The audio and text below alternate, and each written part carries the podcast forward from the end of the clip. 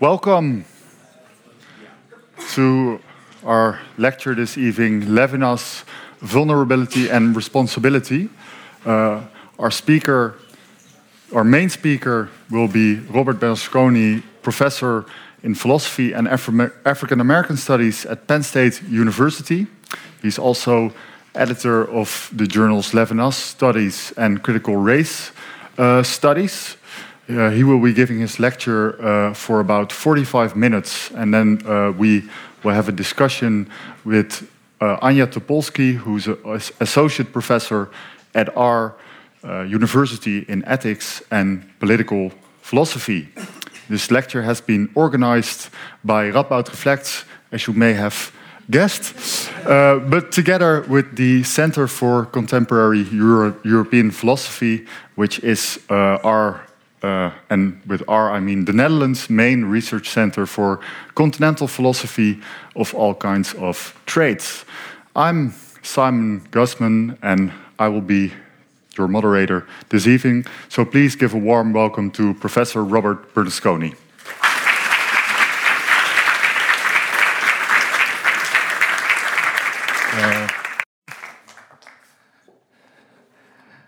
Thank you very much for coming out this evening. Uh, if you have trouble hearing me, please just wave your hand. If you want to fall asleep, uh, just fall asleep. I don't mind. Um, very happy to be at Nijmegen, my first visit here. Uh, want to thank Anut de Gut and uh, Anya Topolski for arranging this trip. Uh, I'm not going to try and do anything very ambitious this evening. I'm going to try and encourage you to think about the word vulnerability. Uh, certainly in the English language, the word vulnerability is becoming more and more common, more and more widespread. You see it in the newspapers. Uh, social studies talk about it all the time. I was at a huge conference in Uppsala just last month called Engaging Vulnerability, where there were just hundreds of people. Um, but I think that, in a sense, their approach to vulnerability is in danger of flattening out this word so that the vulnerable just becomes a collective noun for all the people that you want to say are ah, the poor, the oppressed, the old, the very young, the women, you know, and so on and so forth. And what worries me about these efforts uh, when vulnerability is thought in this way, that uh, we forget why we were interested in the vulnerable in the first place.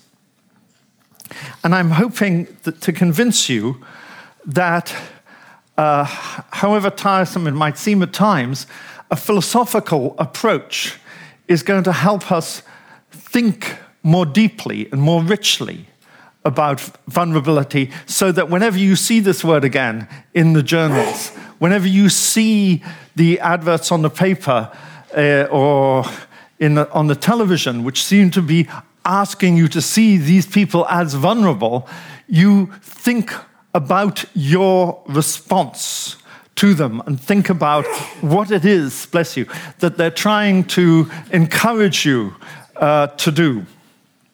And so my talk is in three parts. The first part is going to be about uh, broadly a uh, what you might call a approach to vulnerability. I'll say a little bit more about the philosopher Emmanuel Levinas in a second. In the second part, I'm going to talk about a text uh, which uh, you might be surprised that it's going to be my focus, uh, but uh, I will explain in a minute. It's the text is called The Poor White Problem in South Africa Report of the Carnegie Commission. And this was five uh, volumes, which came out in six parts in 1932. And it was considered an exemplary application of the social sciences at that time to the problem of poor whites, so called. And yet, even though some people want to say, well, this encouraged white South Africa to embrace at least some primitive forms of the welfare state, at least for white people, uh, although that is uh, disputed by historians. It's also seen as a foreshadowing of apartheid. And so it's a very ambiguous document. Volumes on economics, on education, on society, on psychology, uh, and uh, on, one on mothers and daughters, which I guess indicates something about the time. I don't know whether it's progressive in having a volume on mothers and daughters or regressive. Depends, you have to know something about the context, um, I suppose. But the reason for focusing on this document is because I want to think, I want to get access to systemic racism.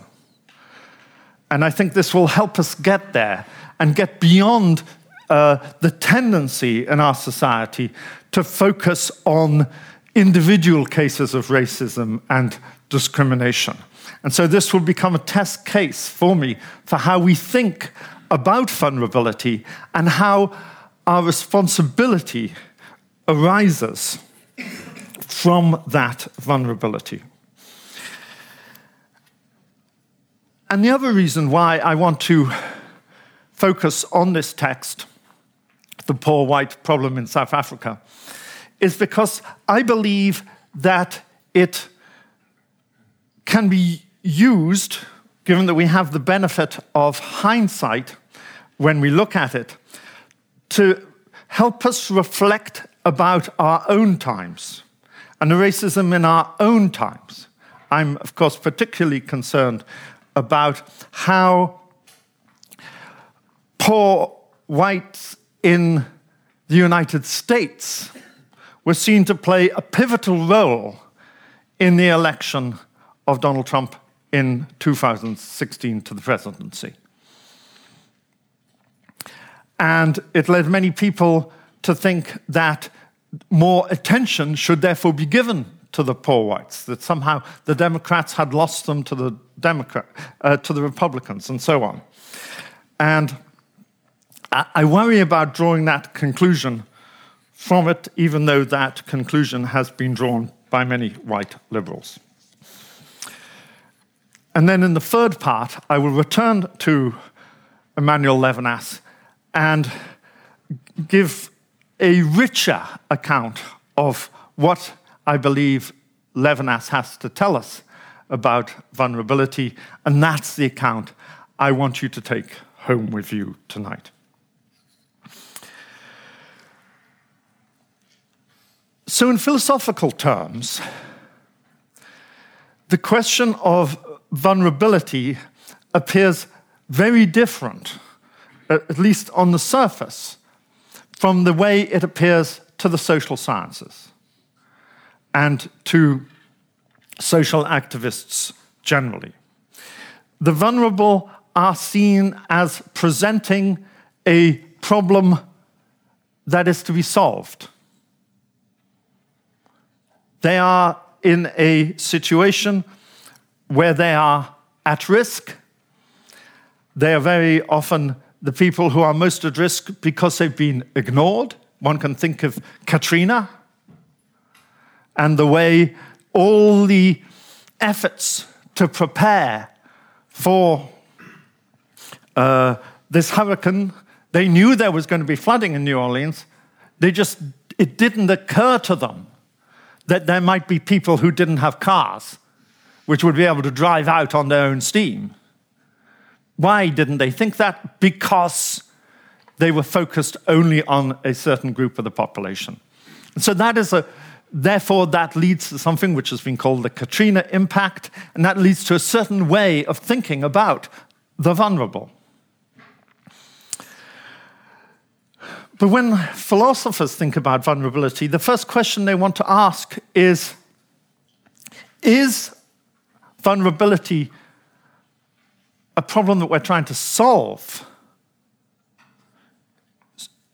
Or is it a part of the human condition? Are we aiming at a certain invulnerability, inviolability, a certain mastery, so that there were no there was no vulnerability anymore? But if so, how would that be attained? Without setting more people against each other on the way there. If you live in the flood zone, the obvious thing to do is I'm sure you know about this in the Netherlands better than I do. Uh, you build walls to try and move the water elsewhere. But where does the water go? It goes probably to somebody else's village where they didn't want it. That's certainly the way it works if you're building flood walls on the Mississippi River, for example, where I live, in Memphis. So the philosopher looks at vulnerability as something fundamental to the human condition. And I'm just going to give some indications of how uh, feminist philosophers, in particular, have taken their clue from Levinas's account of vulnerability uh, to identify certain features of it. Now, Levinas, I promised to tell you something about him, Emmanuel Levinas. Uh, do you all know who Emmanuel Levinas is? Does anybody know who Emmanuel Levinas is? Uh, we've got two, two, three. I, will hand it over to you and I'll sit down. No. Um, uh, Adriaan Peperzak used to teach here from 1964 to 1968, and he was, a, was, one of the leading, perhaps the first real scholars of uh, Levinas. So I feel like I'm bringing coals to Newcastle and telling you about uh, Levinas. I learned a lot from him. Um, but anyway, Levinas, born in Lithuania in 1906, um, uh, Jew, had to leave because of the Russian Revolution, uh, moved to Strasbourg in the 1920s, studied under Husserl and Heidegger, the phenomenological tradition, um, was in a prisoner of war camp uh, in, during, during the Second World War uh, as a French officer. His family did not survive. Uh, in 1961, therefore, at the age of 55, he writes his great book, The Total, Totality and Infinity. And this is, tends to be the Levinas that people know. And that is the idea of uh, the other human being in the face to face relation um, interrupts my self complacency uh, and makes a demand on me to which I respond uh, almost uh, automatically, without reflection. The other puts me in question in this face to face from a position of alterity. It's not that Levinas I'm talking about today. I'm talking about the Levinas who, in 1970, published an essay uh, which you can find in a volume, Humanism the Other Man, uh, or simply Humanism the Other, published uh, in English translation now. Uh, the, the book actually came out in 1972.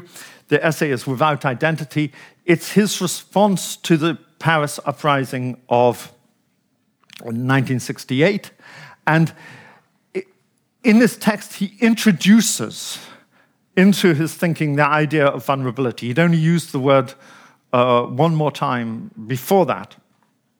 Uh, and then he develops his thinking about vulnerability in his great masterpiece, The Otherwise than Being or Beyond Essence in 1974. That's what I'll be talking about, particularly in the third part of this talk. But the more simple, the more straightforward account of vulnerability that we get from those feminist philosophers who have uh, lent on Levinas for their own purposes and developed another conception is a sense of vulnerability as not something negative, but as constitutive of what it is to be human, as I've already indicated. Vulnerability as a passivity, a being affected a sensibility, so it's not taking place at the level of reflection or of knowledge, that it is already a form of resistance. Uh, Judith Butler insists on this point in a very important essay from 2016, Rethinking Vulnerability and Resistance. And most importantly, and this is the point which I'll be developing further, vulnerability is relationality. What does that mean?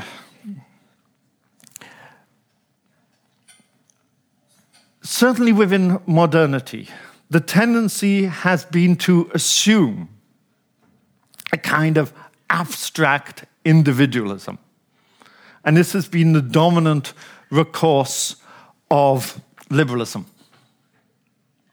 It's very often in the name of this abstract individualism that uh, uh, one, uh, in some sense, rebels against uh, a state which is overarching in its demands.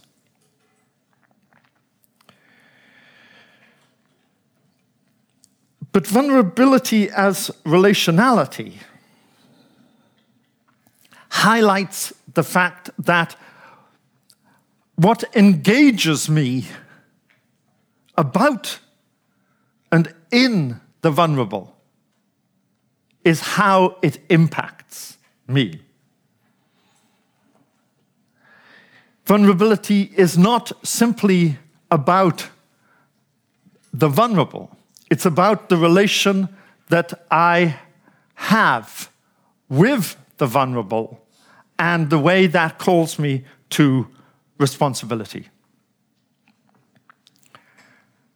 Now, when uh, people talk about relationality, they often want to say, well, uh, in that sense, it so sufficiently overcomes the distinction between the abstract individual, the human subject, and the other, uh, that we can say that we only exist in relation to other people. That relationality is primary to any individuality. Keep that thought, and I will complicate it further later. I promise. Uh, you probably think it's complicated enough by the reaction I got to that, but never mind. Uh, now I move to the second part. So, in the second part, I want to talk about this poor white study put out by the Carnegie Commission. And in particular, I want to be guided in my discussion by a book that came out in 2015 by an African American thinker, Tiffany Willoughby Herard. She wrote a book called Waste of a White Skin, the Carnegie Corporation, and the racial logic of white vulnerability. Now, her main concern in this book is trying to correct how we think of whiteness. There's been a lot of work done, particularly in the United States, under the name whiteness studies or even critical whiteness studies. And the focus has been on white privilege and how white privilege derives from white supremacy, uh, another way of thinking about uh, racism. Uh, but she wants to correct this picture. She talks about white misery. Uh, and in this doing so, she's leaning on ideas that were developed by Frantz Fanon already in 1952 in Black Skin, White Masks. And this is how she phrases her question. She's concerned with how white selfhood faces its own internalized racism, its slave past, and its self hatred. Now, most people who are writing about whiteness today are not thinking in those terms about an internalized racism of whites, of a white self hatred. But she is using this document, these five volumes, uh, to develop this thought. And although she doesn't explain clearly what she means by the racial logic of white vulnerability, I'm going to try to develop uh, in my own way what I think she must have meant by this phrase. Now, you might say, well, why is the Carnegie Commission in 1932 so focused on poor whites? And of course, the initial response is because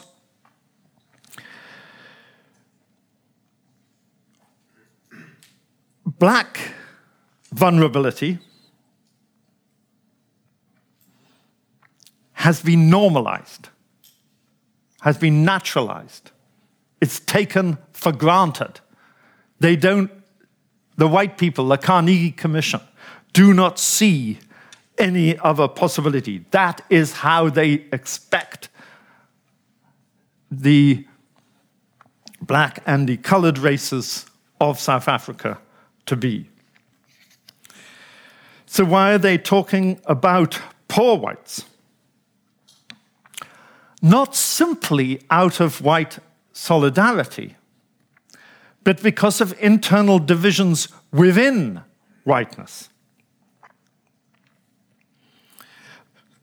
Certainly, the report is written out of a concern for the suffering, the poverty of mainly Afrikaners, almost predominantly Afrikaners, still living on the land, some of them brought into the cities, but living in extreme uh, poverty.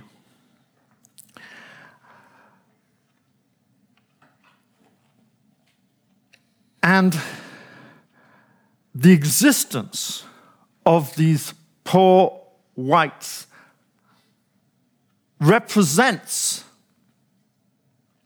to the privileged whites in South Africa a threat. What is this threat? Let's think a little bit about that phrase, poor whites. And this is something the document itself, the five volumes, develops. When they think about poor whites, there,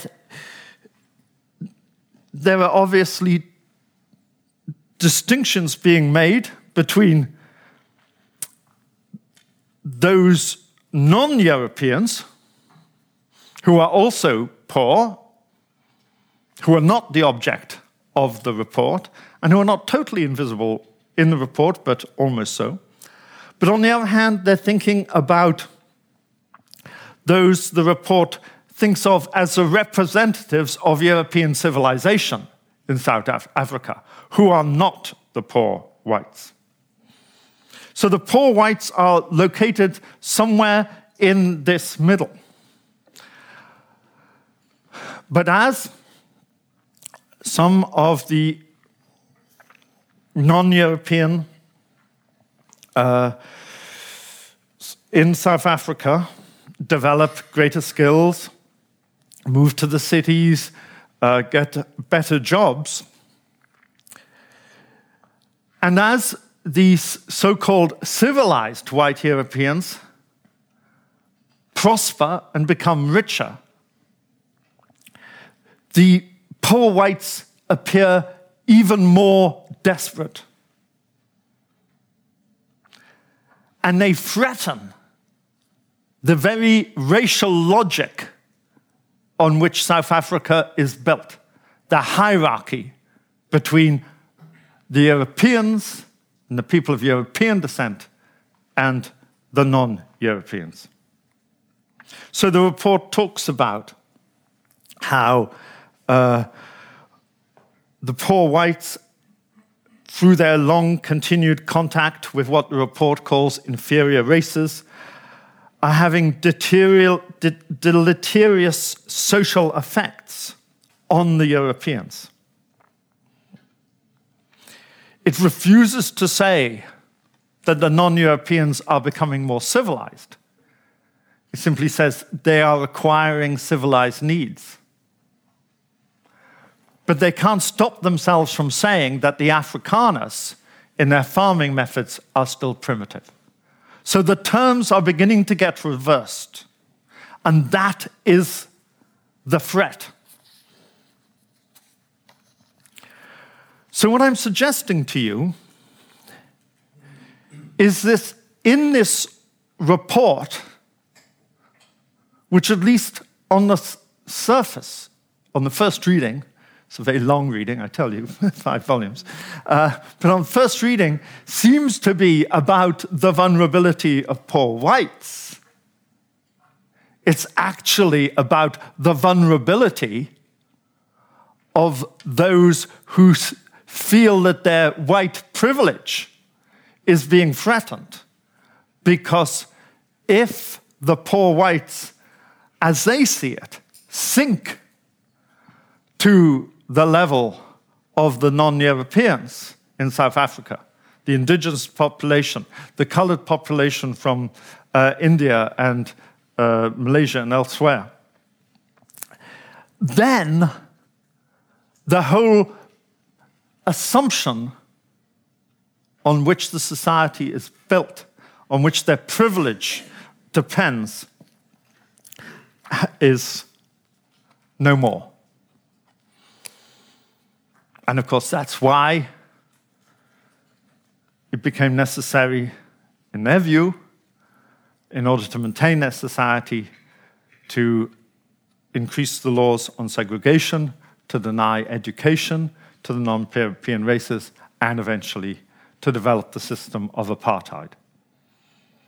And it is in the heart of it is the concern about poor whites their vulnerability, but how that vulnerability reflects on the whole vulnerability of the system of which the most privileged are the beneficiaries. So, if you can see what I'm doing, what we've got to so far is when you he- hear the word, the vulnerable, when you think about vulnerability, Perhaps your first instinct is to think about the people that you are being shown, the photograph in the newspaper where it's saying, Look at these people, send us some money. But if you're a philosopher, well, if you're my if you're me, okay, there aren't any others, I'm the only one left. Um, if you're a philosopher, you're going to say, ah, but how does that impact on how I look at myself? What is my relation to the vulnerable? Not just what is my responsibility towards them, but how does their very existence in our society threaten my position in society, threaten the story I want to tell about my society, you know, you, you've heard people from the United States talking about how, you know, it's all based on equality and justice and fairness and uh, all these wonderful things. And then you sort of look at the history of the country and you say, well, that's kind of weird, isn't it? But that's because, um, you know, that all gets eradicated. That does not fit the picture, right? And so all of that has to be rendered invisible. Uh, to what extent do I need the vulnerable? To what extent do I want to limit my responsibilities to the vulnerable?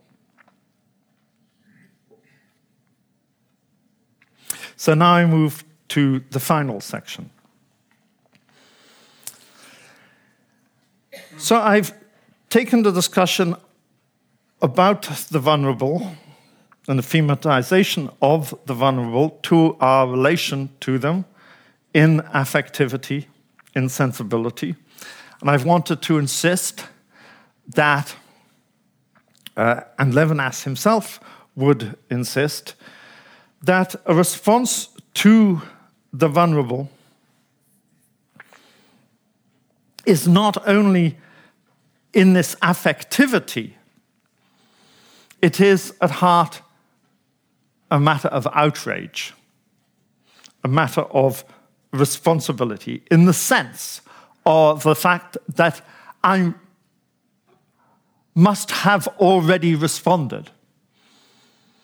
Levinas is not giving us a whole rule of ethics saying, oh, this is what you have to do. You must do this, you must do that. Uh, all of that belongs to ethics as a form of casuistry, telling you what the limits are to what you have to do. You know, uh, who is accountable for this disaster?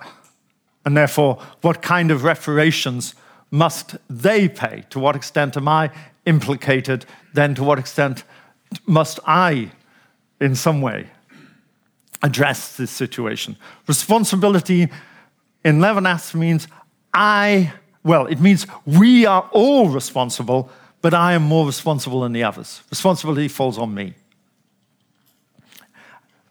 And it comes out of a sense of outrage. It's not about a guilt in which I want to wallow.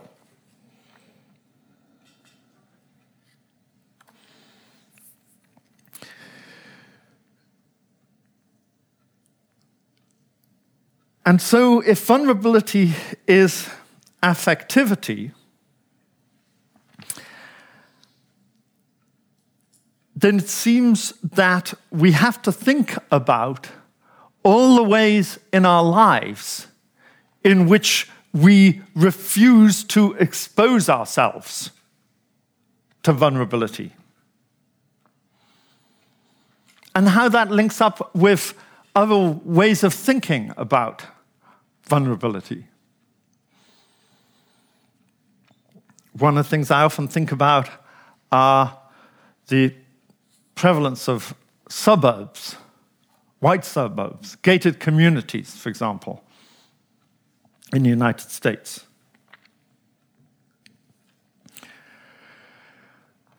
People say they go to live in the suburbs because they're afraid. They're afraid of crime.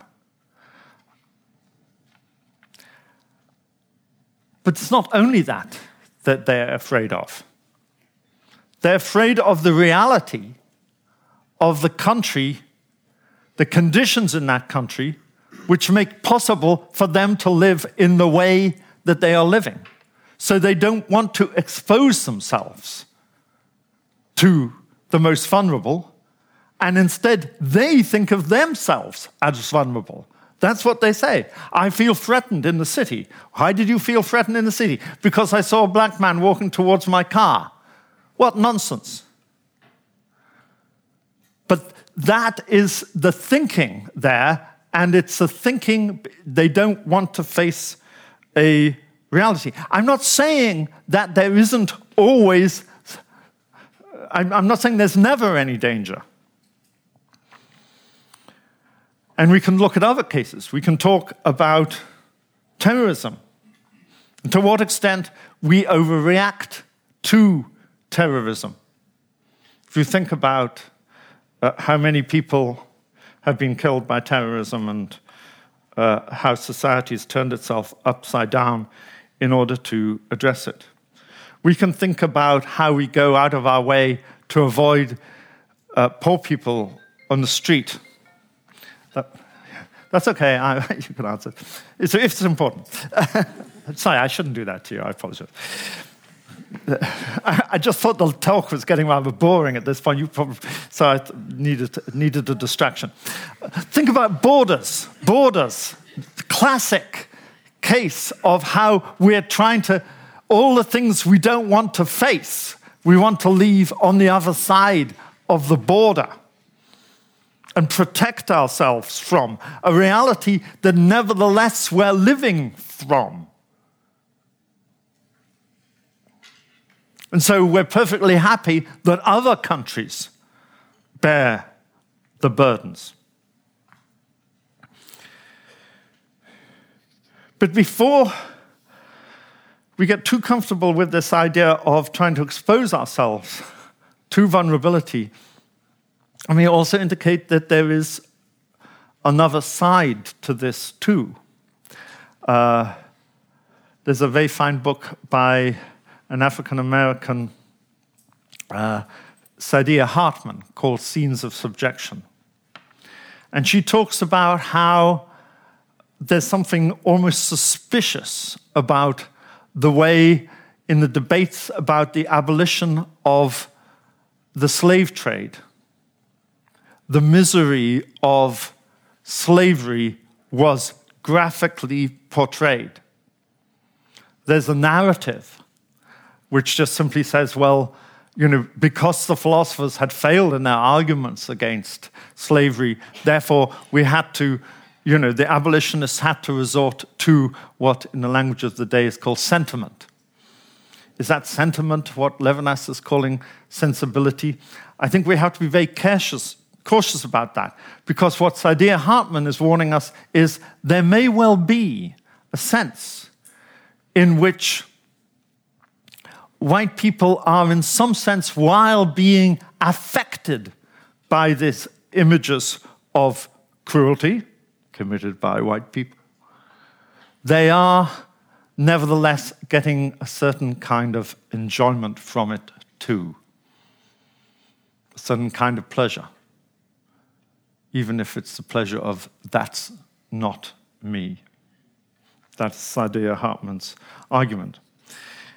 And so this leads me, and this is where I want to try to enrich our understanding of vulnerability in Levinas from the point at which I left it earlier, now with this example of the poor whites in South Africa, to help me to recognize that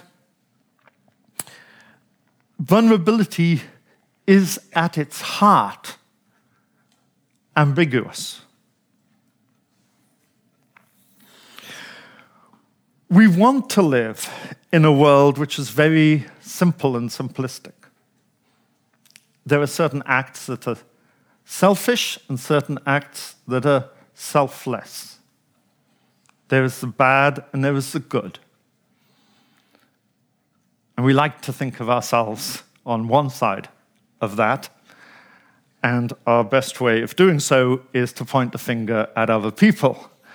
Uh, and think of ourselves as better than them.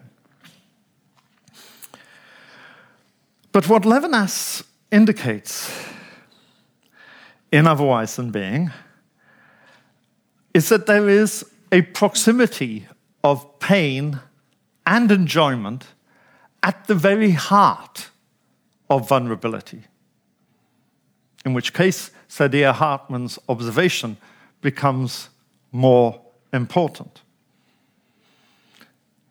Or you could think of the privileged whites in South Africa who are both disturbed by the existence of the poor whites that seem to threaten their very existence, but at the same time can insist on distancing themselves from them. They don't identify with those poor whites simply.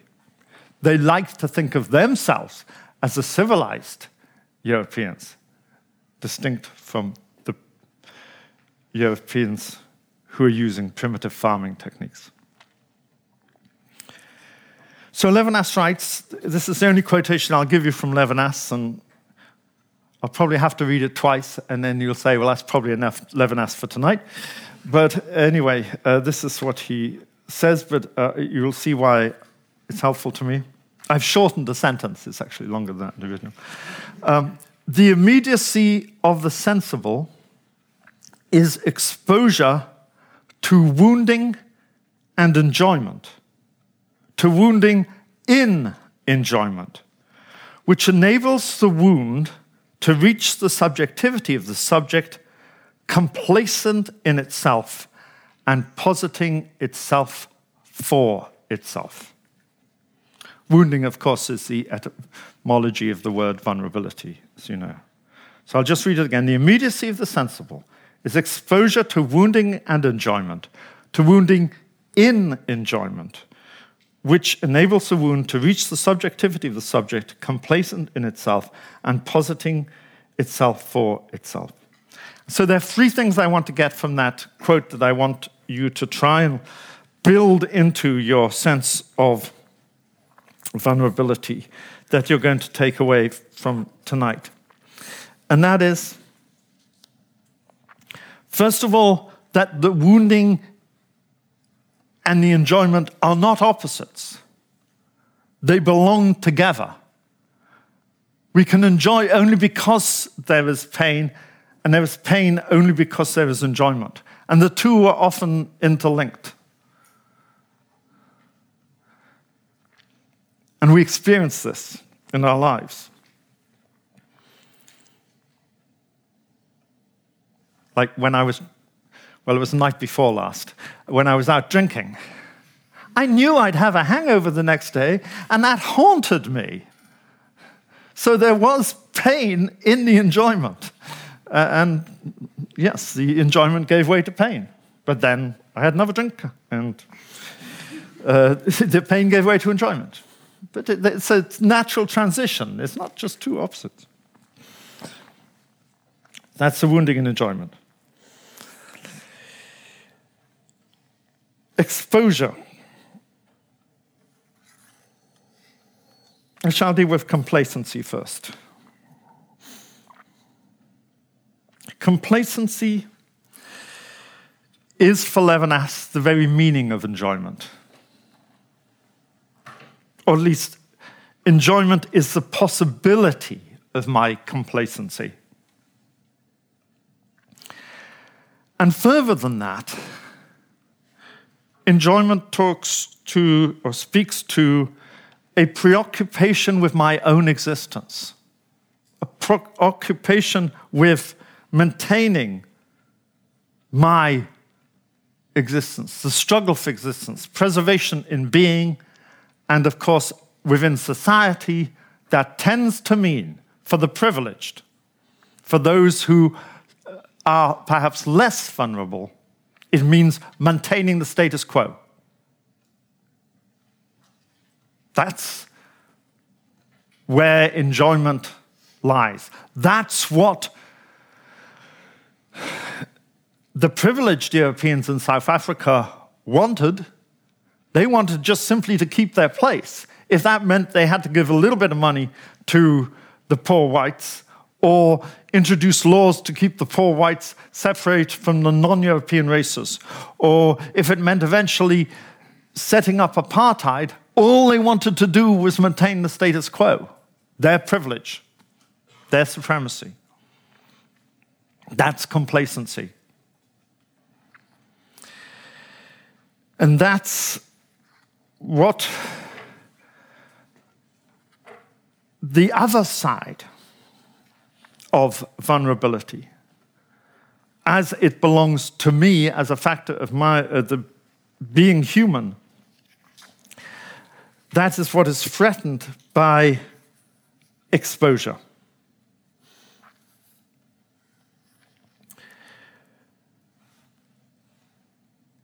an exposure which is not simply looking at the photo in the paper, not turning the channel when the advert asking me for money comes on. That's trivial, that's neither here nor there. It's about listening, it's about reaching out, it's about putting yourself in places where you're not so comfortable, but without becoming a tourist without breeding a certain kind of exoticism, but above all, listening. And so this is a slightly different Levinas from the one with which I began. The Levinas of the face to face in totality infinity is usually referred to as the uh, other who approaches me without a name, without an identity. And this is completely decontextualized. Now, for Levinas, that is true at the level of the face to face, at the level of ethics. But as he says already in Totality Infinity, I cannot approach the other with empty hands. And that means that if I am to respond to the other, I have to respond to the other not only at some level of transcendence or uh, desire, I have to respond to the other's needs. I have to hear how the other wants to be addressed, what matters to him or her, and not just uh, to me. And so I see my time is up, and so let me just try to remind you of what it is that I'm asking you to take home with you with this notion of vulnerability now heard, not just in terms of those are the vulnerable over there, and perhaps occasionally I feel vulnerable if I find myself in the wrong place at the wrong time, and so on and so forth. Or if I lose my job, or uh, whatever it is. It's in this very relation that I have, the very relationality, which ties me to the other, but not in such a way that the other reaches into me and meets a subjectivity that is pure goodness. That if you can just get behind my egoism, the other will lead me simply to give. Because even in the act of giving, those of you who know Derrida uh, will be familiar with thoughts along these lines, but we don't need Derrida here. It's already in Levinas. There is a question about whether, uh, you know, even in the giving, don't, isn't there some pleasure in that? I, I hope so. It happens sometimes. Uh, and then, so how do you d- distinguish the, the giving as something which is completely selfless from enjoyment? They're part of each other. We have to be always examining ourselves uh, in the sense of being aware of our own fears, of our own vulnerabilities, of the way we try to breed fear and vulnerability in other people. As sometimes happen when people talk about immigration. And people tell you, oh, they're after your jobs. And they don't reflect on the fact that it's a system which is creating this problem. It's not these individuals who are coming in, it's the system. And we let ourselves be persuaded that it's the immigrants who are the problem because we want to maintain the system, but we don't admit that to ourselves. And so, vulnerability is not a solution it belongs to us as human beings. We must rejoice in it. We must expose ourselves to it. We must not run away from it. Thank you very much.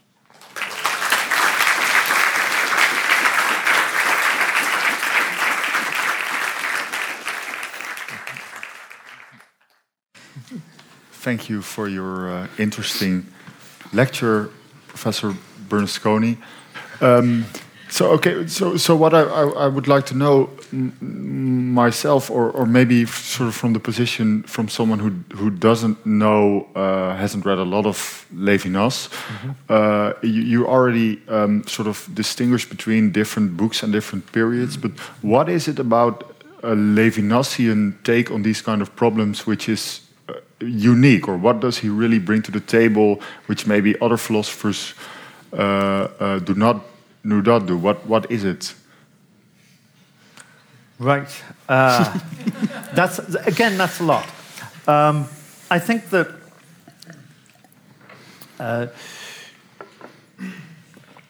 I, am tempted to highlight let's see if I can reduce it to three things.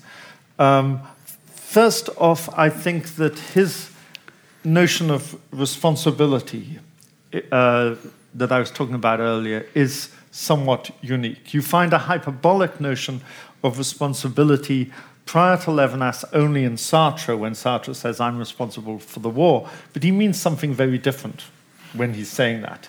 He's just saying that I, you know, from, I choose the world, I choose how I see the world, in a sense. Levinas is saying that I uh, have to I mean, he's not saying that I have to assume responsibility. He is saying that I am already responsible, that I have, in a sense, already responded because the other is already from the beginning uh, part of me um, in what he calls substitution. Uh, and so th- that, I think, is a unique thought. He takes the notion of relationality beyond uh, oh, you're going to start counting my three points, aren't you? Um, I better, better be this is number two then. Um, yes, he takes the notion of relationality beyond the idea of Buber's I thou, which is spiritual relation, and says, no, no, this is an ethical relation. But I think perhaps what is most important is that. Uh, when people read Levinas and they hear all this stuff about responsibility and so on and so forth, it sounds like he wants us all to be moral saints. People write essays accusing Levinas of that. In fact, Levinas is someone whose whole life was so dominated by persecution and anti Semitism and war and the Holocaust and genocide that his question is uh, this is how he begins Total Infinity are we duped by morality? Is there anything other than war? Is that all there is, the struggle for existence? And he, his idea is that, well, Western philosophy, as we tend to think of it, has privileged war uh, and wants us to see being in terms of war, whether it be Heraclitus or whether it be Heidegger. That, that is the way Western philosophy sees it. And he wants to say if we remain within the resources of Western philosophy, we will not be able to account for the fact that sometimes people do sacrifice themselves for other people. And then the question is well, what kind of being would it be who can actually do that? And the answer is not the kind of being that Western philosophy tells you about. An abstract individual is not going to sacrifice themselves for another person. Um, it, it, therefore, has to be there has to be a sense in which this alterity is not something out there; it is something already in me that makes possible sacrifice, even when it's useless. That is to say, unmotivated from the standpoint of the self. And I think that is a particularly unique thought, a particularly valuable one when we're faced with so much horror around us and we want to know is there anything more than this? It's so easy to get depressed. It's so easy to see the evil in the world and almost impossible to see the good. And Levinas is saying, but yes, there is some. It is possible. Right. May I answer with three points? Yes, as man here. Um, well, I'm actually. Uh, first of all, I'm very glad I got to go second because I can just say, and this doesn't count as one of my points. I agree with everything, and I want to add two more, and then I want to ask you, if I can, the question my students have recently asked me, which is the question I most struggle with with Levinas. Mm-hmm. Um, so the two I want to add um, is uh, I have a particular interest. Obviously, I came to Levinas much more through what are called the Jewish writings or the, the non philosophical writings. And um, I actually think in Levinas, um, and this is not only in Levinas, but there is a notion of social justice that is very critical of the Western Christian notion of justice.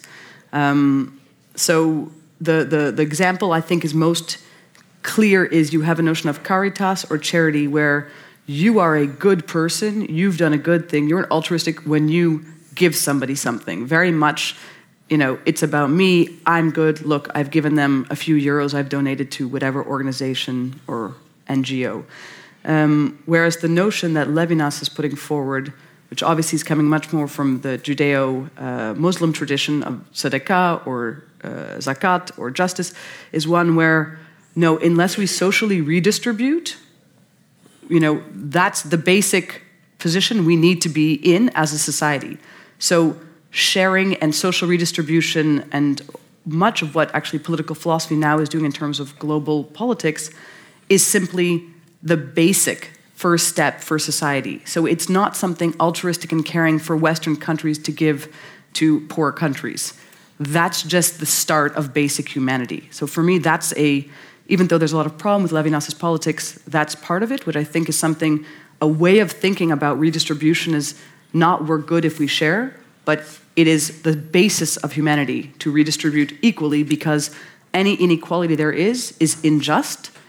Um, a second point, actually, for Levinas, which makes people feel very uncomfortable, is uh, I think the importance of bringing back transcendence and God uh, into our discussions. I think if there's an example of where Western secular societies are trying to keep their vulnerability out with a wall, it's towards not wanting previously Jews, now Muslims, in these spaces. It's a way of, in a sense, not being also confronted with perhaps a vulnerability towards something greater or beyond us that we cannot explain. We are rational, we know all, we can master all, we can control all. So let's keep you know, people who will remind us that there might be something more because they're wearing a headscarf out. Um, so I actually think, for all my uncertainty about God, I really appreciate that Levinas brings that back into philosophy and ethics. And now, the question that. Uh, um, oh, we've run out of time. he gets to say. Um, so I know one of the reasons I stopped spending a lot of time with Levinas was the comment, the very famous comment Levinas makes the Palestinian doesn't have a face. Um, when I woke up and, and started to really understand what was happening in that conflict, I could no longer feel the way I felt about Levinas before. And I guess uh, maybe to give context to the audience, um, I mean, it, but it is a comment I think you can even understand without context, right? Levinas, this ethical philosopher of responsibility for the other, with all the misreadings, at some point in an interview says, but the Palestinian doesn't have a face. Somehow the Palestinian is not an other. Um, it's at that point, and I've seen the problems in his politics, it's at that point where I, I have trouble saying, how can somebody who gives us this notion of responsibility and ethics and, and how can he say that? And once you start reading him again with that as your reading lens, I, I struggle. So I'm wondering can you fix my problem? can you make me want to read Levinas again? uh, yes, I can. um, no, no, this, this is a uh, notorious interview uh, that I've written about very critically in a couple of places. Um, um, as I remember it, uh, the remark is that the Palestinian isn't the other. Uh, and um, what he's doing here uh, cannot be I think, adequately uh, defended. It was an interview that occurred uh, very shortly after uh, a massacre um, that the uh, Israeli soldiers stood by and watched uh, and didn't protect. Which, of course, has parallels to yes. Srebrenica and the Dutch course. context. Of mm. course. Um, and what he was trying to uh, argue, uh, he was trying to take the, the classic line of Israelis uh, or Jews who, who are, feel guilty for not being in Israel. Um, Now, I have read a very good article by Claire Katz. I don't know if you've read that one, uh, which provides a much richer, more subtle reading of this and tries to uh, explain it and uh, corrects me on some points that, that I've criticized uh, Levinas here. Um, but I don't want to try to uh, defend those kind of remarks because even if Claire, uh, who's a former student of mine, can uh, find a way of interpreting this the, that reconciles the record, we are still responsible for how we're heard. I think you cannot say something like that and say, well, ah, there is a possible interpretation, and that this is the interpretation that we should adopt that gets one off the hook.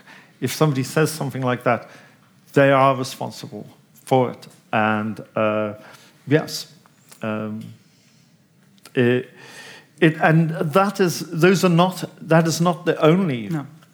problem with Levinas. He uh, many years ago I wrote an article in which I found various uh, racist statements in his work that are dotted around. I have long since given up the hope of finding any philosopher who I can, not even myself. Can you believe that? Uh, no, no, but I mean, seriously, uh, I mean, it does, we all fall short. This is just, I think, again, we have to stop idealizing philosophers. I, you know, for me, the most annoying thing uh, are Kantians. Uh, because the, Kantians not only, I mean, Kant was a racist, he was in favor of slavery in the 1780s, which is probably not a good time to be in favor of slavery. Uh, and um, yet, Kantians are so holier than thou in their relation to, to Kant. You know, and I don't want to be holier than thou in relation to Levinas. But, uh, you know, if you can find me a philosopher who isn't problematic, then uh, we have to abandon the belief in original sin. Nah, Jews don't believe in that anyways. Okay, thanks. I think uh, our time is up. We've had some interesting reasons to read Levinas and some to not read, but it's important to note that philosophers are also fallible and uh, do not offer all truth. And me more than the others. Yes. Thanks, uh, Professor Robert Ber- Bernasconi, Professor Anya Topolski, and uh, I hope Thank you you. all had a nice Thanks for coming. evening.